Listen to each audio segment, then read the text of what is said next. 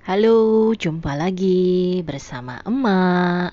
Komen, komen, komen. komen kita hari ini adalah perihal tentang anak, gitu ya. Bagaimana kita uh, mendidik anak, mengasuh anak dan membesarkan anak gitu ya. Tapi ini obrolan santai, jadi uh, gue disclaimer dulu kalau gue bukan pakar, bukan ahlinya dalam bidang untuk parenting dan ataupun yang semacam itu ya pakarnya gitu gue bukan. Jadinya ini sekedar sharing aja apa yang gue jalani kepada anak gue gitu. Nah eh, sebagai mama-mama muda gitulah ya yang baru memiliki anak-anak usia balita gitu ya. Kalau gue sih ya karena gue punya anak baru gue uh, lebih concern gitu ya mengenai parenting gitu. Gimana sih caranya membesarkan merawat anak gitu? Gimana uh, uh, karena uh, gue tuh masih termasuk uh, apa angkatan yang dulunya itu gue itu masih merasakan sabetan rotan gitu ya. Kalau misalkan uh, kita nggak mau ngelakuin misalkan nih jamnya waktunya tidur nggak mau tidur waktunya mandi nggak mau mandi waktunya makan nggak mau makan biasanya rotan yang berbicara gitu.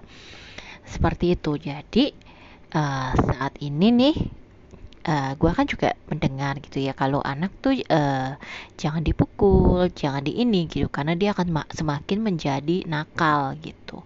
Nah jadi gue coba tuh gue coba belajar gue coba membaca buku gue coba uh, mendengarkan post podcast parenting gitu ya terus buku-buku mengenai parenting dari yang Montessori gimana cara mendidik ala Montessori gitu ya sampai di satu ketika itu uh, karena gue juga uh, ibu yang bekerja dan banyak kegiatan yang lainnya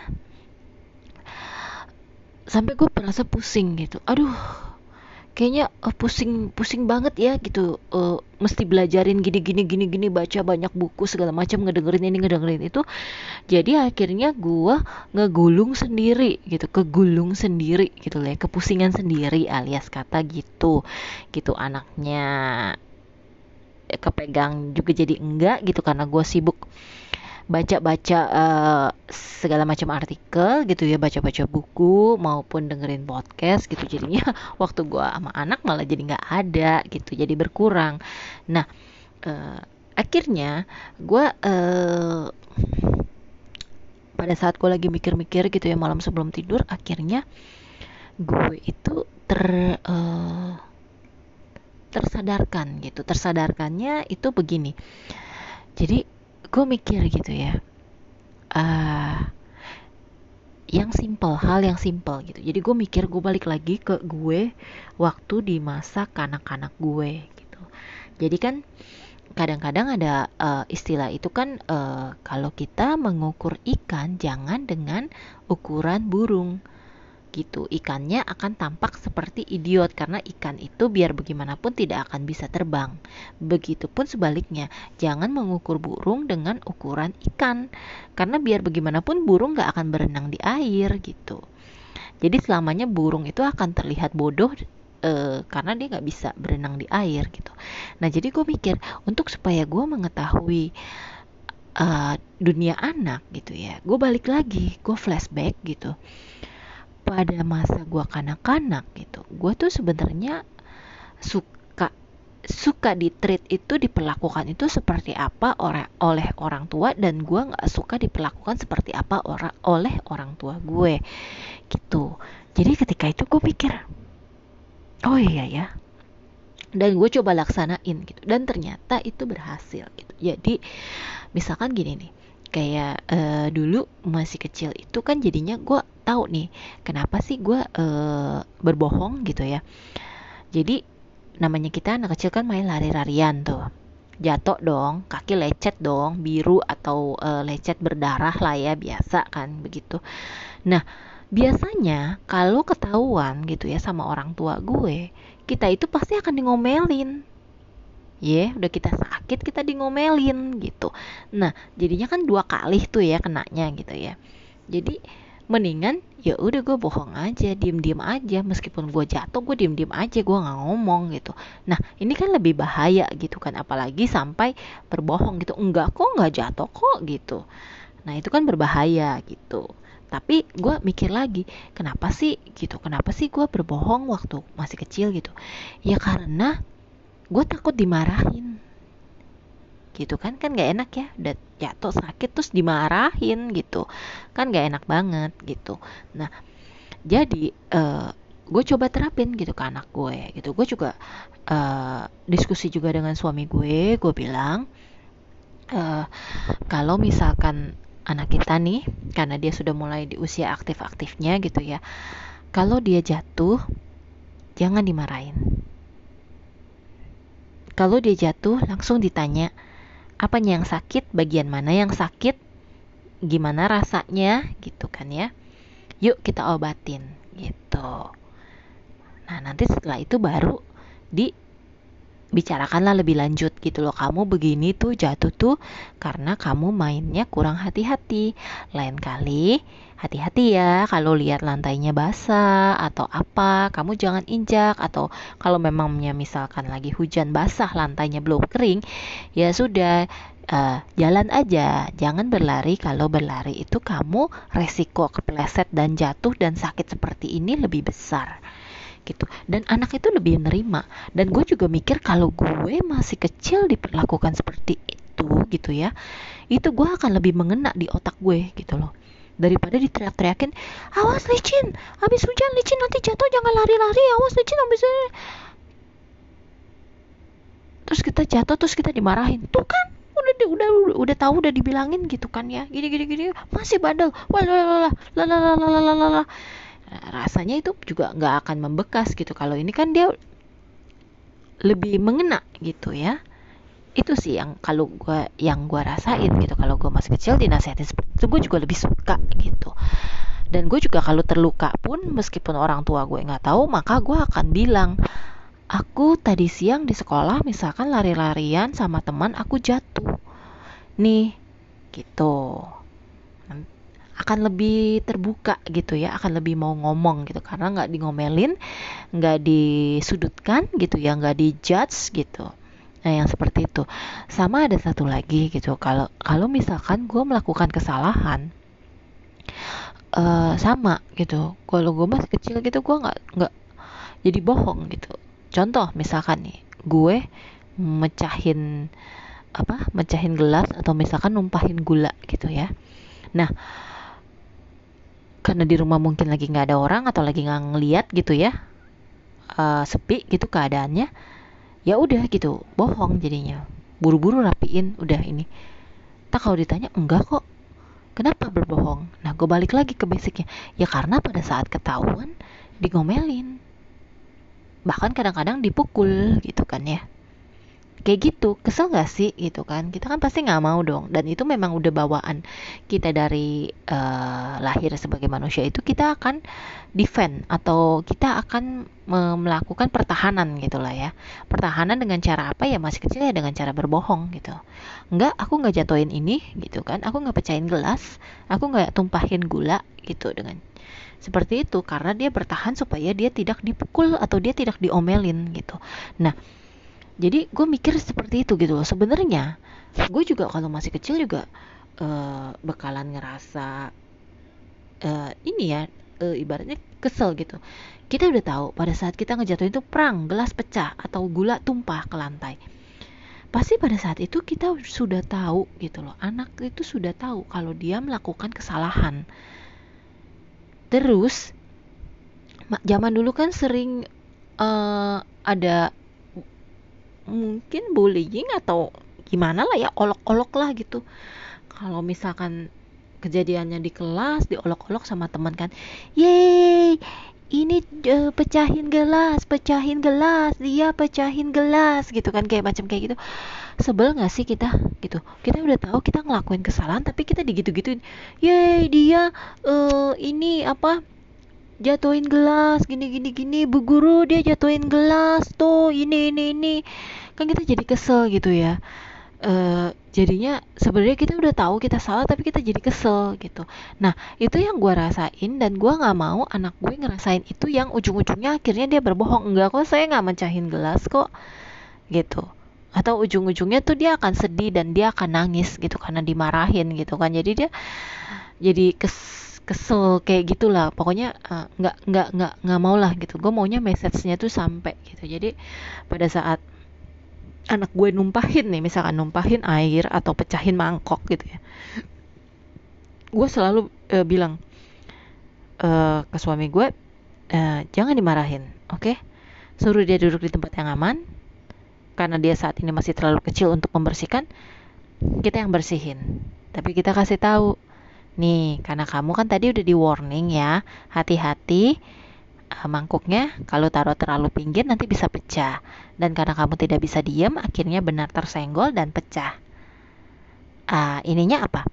Uh, jadinya kita itu harus repot ngebersihin ya. Kalau sampai belingnya ketusuk di kaki kita bisa berdarah. Oke? Okay? sama kita jadi mangkoknya berkurang satu gitu. Kita jadi uh, mangkoknya nih kurang gitu. Itu karena kita tidak hati-hati gitu. Tapi tidak mengapa nanti kita lain kali kita lebih berhati-hati lagi ya. Ingat lain kali lebih berhati-hati lagi karena ini kalau kesenggol dia bisa pecah gitu. Kalau pecah ini akibatnya akan begini dan begini dan begini gitu. Itu kalau yang dia belum bisa. Tapi kalau kayak dia cuma numpahin air itu gue ajarin it's okay nggak apa-apa habis tumpahin air uh, ambil kain lap. Supaya apa? Supaya nanti kamu juga tidak kepleset orang lain juga tidak kepleset karena itu basah dan licin. Gitu. Nah jadi kayak dengan seperti itu pun sebenarnya si anak udah tahu. Dia udah langsung bilang mami I'm sorry ya aku pecahin ini. Ya udah nggak apa-apa. Yang penting kamu ada apa? Ada luka nggak? Ada luka nggak? Ada apa nggak? Nggak. Yaudah kita bersihkan. Gitu. Itu kan lebih enak gitu daripada kita dipukul disabet bla bla bla sampai kita nangis nangis ya udah gitu kan ya. Jadinya apalagi kalau misalkan sampai kita dendam gitu sampai gede gitu kan ya. Ke kesimpan di alam sadar bawah sadar itu kan nggak enak banget gitu Nah jadi gue sekarang berpatokannya tuh seperti itu. Di samping gue tetap sih ada jika ada waktu memangnya yang gue khususkan gitu untuk uh, mendalami lagi menambah lagi ilmu ilmu parenting gue gue baca tetap gue baca tetap gue dengerin podcast gitu ya untuk mengupdate gitu. Karena kan anak terus berkembang dan beda lagi gaya pemikirannya dia. Masuk ke fase ini lagi beda lagi gitu. Dia yang tadinya awalnya nurut udah mulai masuk ke fase umur sekian gitu.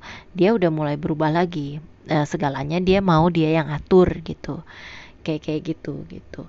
Nah jadi tapi tetap konsep yang gue pegang itu adalah satu konsep itu yaitu e, gimana sih gitu. Gue memperlakukan anak adalah sesuai dengan uh, gue itu pengen diperlakukannya seperti apa dulu waktu gue anak-anak nyaman gak sih kalau gue disudut-sudutkan gitu melakukan kesalahan terus disudut-sudutkan? Pasti kan gak enak gitu.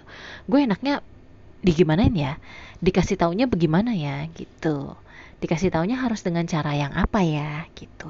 Nah karena kebetulan uh, sekarang nih udah udah semakin dewasa itu karakter anak gue itu mirip banget sama gue gitulah ya kira-kira. 70 sampai 80 persen sifat-sifatnya itu mirip kayak gue gitu.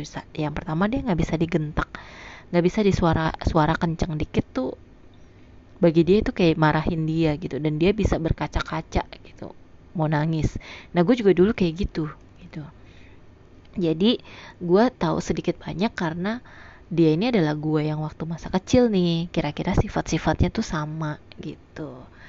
Meskipun ya nggak nggak bisa kita plekin uh, hal yang sama tapi kan secara garis besarnya sekarang uh, pastilah semua orang ingin diperlakukan dengan baik ya kan? Kita sendiri sudah dewasa pun kita ingin diperlakukan dengan baik gitu. Jadi jika kita ingin diperlakukan dengan baik seperti itu ya kita juga harus memperlakukan orang lain dengan baik juga.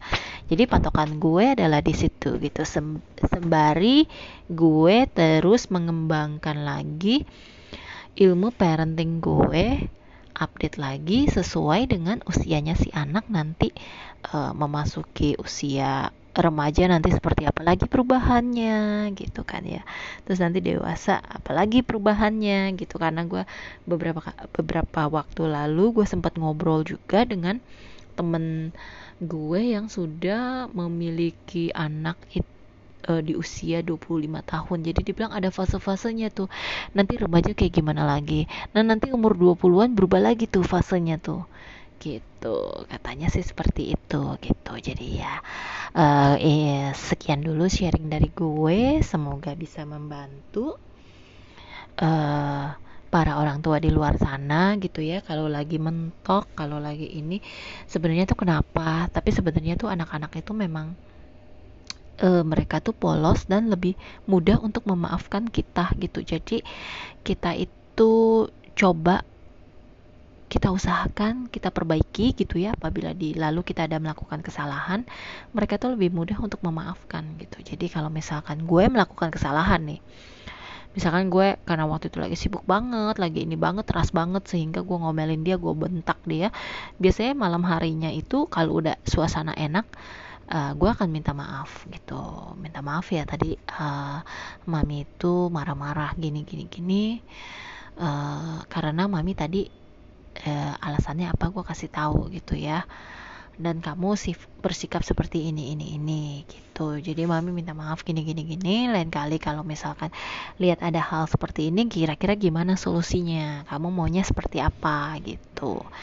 Diajak berunding kayak gitu anaknya ngerti kok gitu kayak kalau gue nih sekarang nih gue kadang-kadang suka uh, ngetes gitu ya. Tapi jarang-jarang sih jangan keseringan gitu. Nanti anaknya udah tahu.